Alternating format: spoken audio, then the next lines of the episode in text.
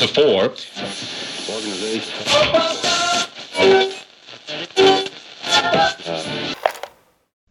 Дискриминацијата врз ЛГБТ и плюс индивидуите и заедницата воопшто е секојтемна појава во македонското општество.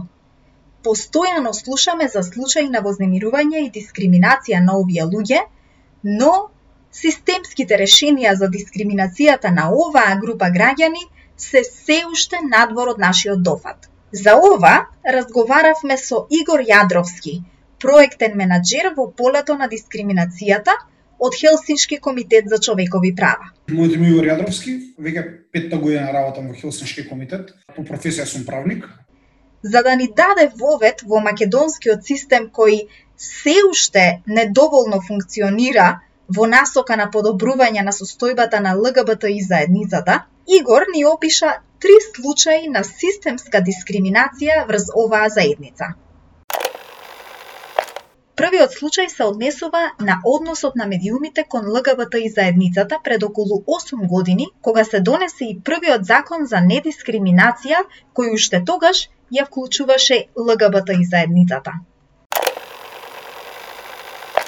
Случај на една национална телевизија, каде на меѓународниот ден на борба против хомофобија и трансфобија беше емитуван прилог во кој што се тврдеше дека на хомосексуалците има потребна некаква професионална медицинска помош наместо законска помош, реферирајќи на тоа дека хомосексуалците, односно ЛГБТ и луѓето се болни луѓе. Ова беше многу интересен случај затоа што за овој случај беа инициирани постапки и пред Комисијата за заштита од дискриминација, меѓутоа и пред тогашниот совет за радиодифузија.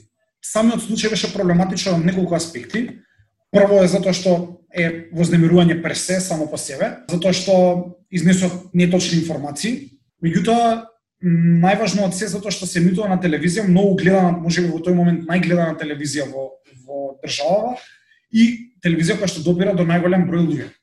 Комисијата утврди а, дискриминација во случајот и Советот за радио дифузија утврди а, дискриминација во конкретниот случај но ова не е единствениот случај на несоодветен однос на медиумите кон ЛГБТ и заедницата.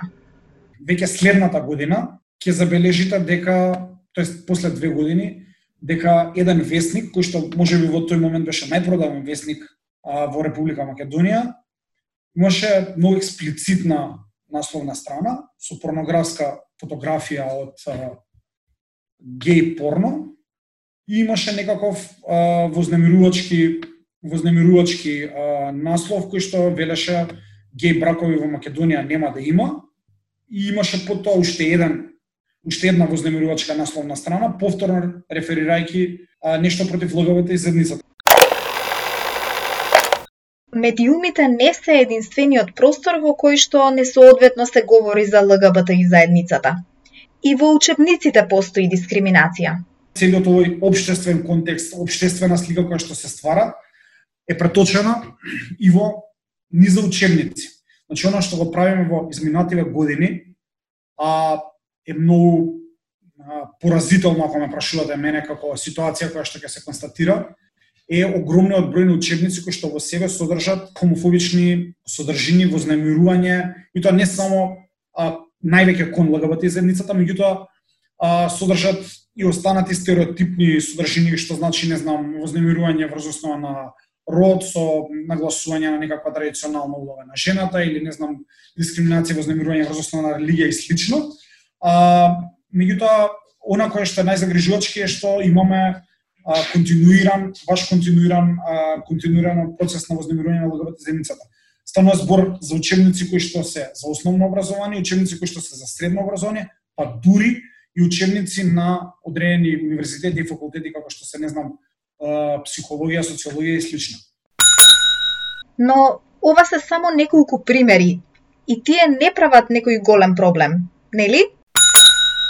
Сето ова, кога ќе го имате како обштествен контекст, како една крупна слика, како како наратив кој што се повторува во во сите сфери на обштественото живење, не е ни чудо да имате после индивидуални случаи на дискриминација кон ЛГБТ лица за да илустрираме како од системската негрижа дискриминацијата преминува и кон пониските нивоа на интеракција, Игор ни опиша еден конкретен случај на дискриминација заснована на родов идентитет на кој правниците од Хелсиншки комитет работеле. Имавме случај преку националната мрежа а, ми се чини за борба против хомофобија и трансфобија, каде што Хелсиншкиот комитет е членка, пријавен од страна на трансродово лице, кое што во еден град а, во а, држава се обидува да влезе во а, кафули да се нарача пијалок. Ова е куса приказна за пладневното кафе на Марија, трансродова жена од Велес. Случајот опишан во продолжение е вистински и се случи пред одреден период во Македонија. Името на жртвата, како и името на градот во кој настанот се случува, се променети за да се заштити интегритетот и безбедноста на жртвата. На жештините тешко се издржува надвор, па по работниот ден Марија сакаше да направи една пауза и да се освежи со едно ладно нескафе. Поминувајќи покрај градските кафулиња, музиката од едно од нив премногу и се допадна и таа реши да го испие кафето токму таму. Влезе во кафулето, ги тргна очилата од глава и си најде удобно место на една од масите до која што струеше воздухот од еден од вентилаторите. Надвор беше прежешко. Чиниш мозокот ке ти се ствари. Ама вентилаторот супер и дојде. Си ја ладеше главата и го чекаше килмерот. Од зад шанкот се појави вработен. Фин дечко, барем така изгледаше. Кога тргна кон масата на која што Марија беше седнала, малку како да се сепна. За момент запре, па продолжи кон Марија и кога и се приближи, и се представи како шеф на кафулето. Оваа маса е резервирана, и рече шефот. Навистина, но не стои никаква ознака за резервација, рече Марија. Да, да, резервирана и сите други маси во кафиќот се резервирани, ќе мора да излезете ве молам. Инсистираше шефот на кафулето. Но местово е празно, нема ниту една зафатена маса, Мене ми е само за кафе и онака, за брзо ќе си одам, само да го испијам кафето. Се обиде Марија. Не, не, мора да си одите веднаш, ве молам, се е резервирано, ќе ве молам, напуштете го местово. Низ диалогот, шефот на кафулето стануваше се понапнат и поагресивен. И Марија беше принудена да го напушти местото.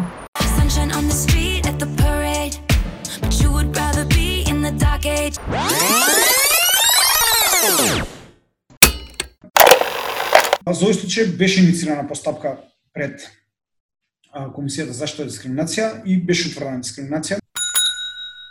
Овде завршува подкастот посветен на прикажување реални случаи на дискриминација базирана на сексуална ориентација и родов идентитет. По слушањето, предлагаме да размислите за следново. Во кои аспекти се воочува дискриминацијата во предходно опишаните случаи во овој подкаст? Дали вие некогаш сте искусиле или сте биле сведок на ваков или сличен вид дискриминација? Како сте се чувствувале и која била вашата реакција во таа ситуација? За остварувањето на овој подкаст му благодариме на Игор Јадровски и на Хелсиншки комитет за човекови права што помогнаа овој приказ да се оствари. Овој аудиоматеријал го подготви и е во собственост на Сдружение за едукативен развој Еквалис. Други организации, институции или индивидуи можат да го користат овој материјал со дозвола од Еквалис.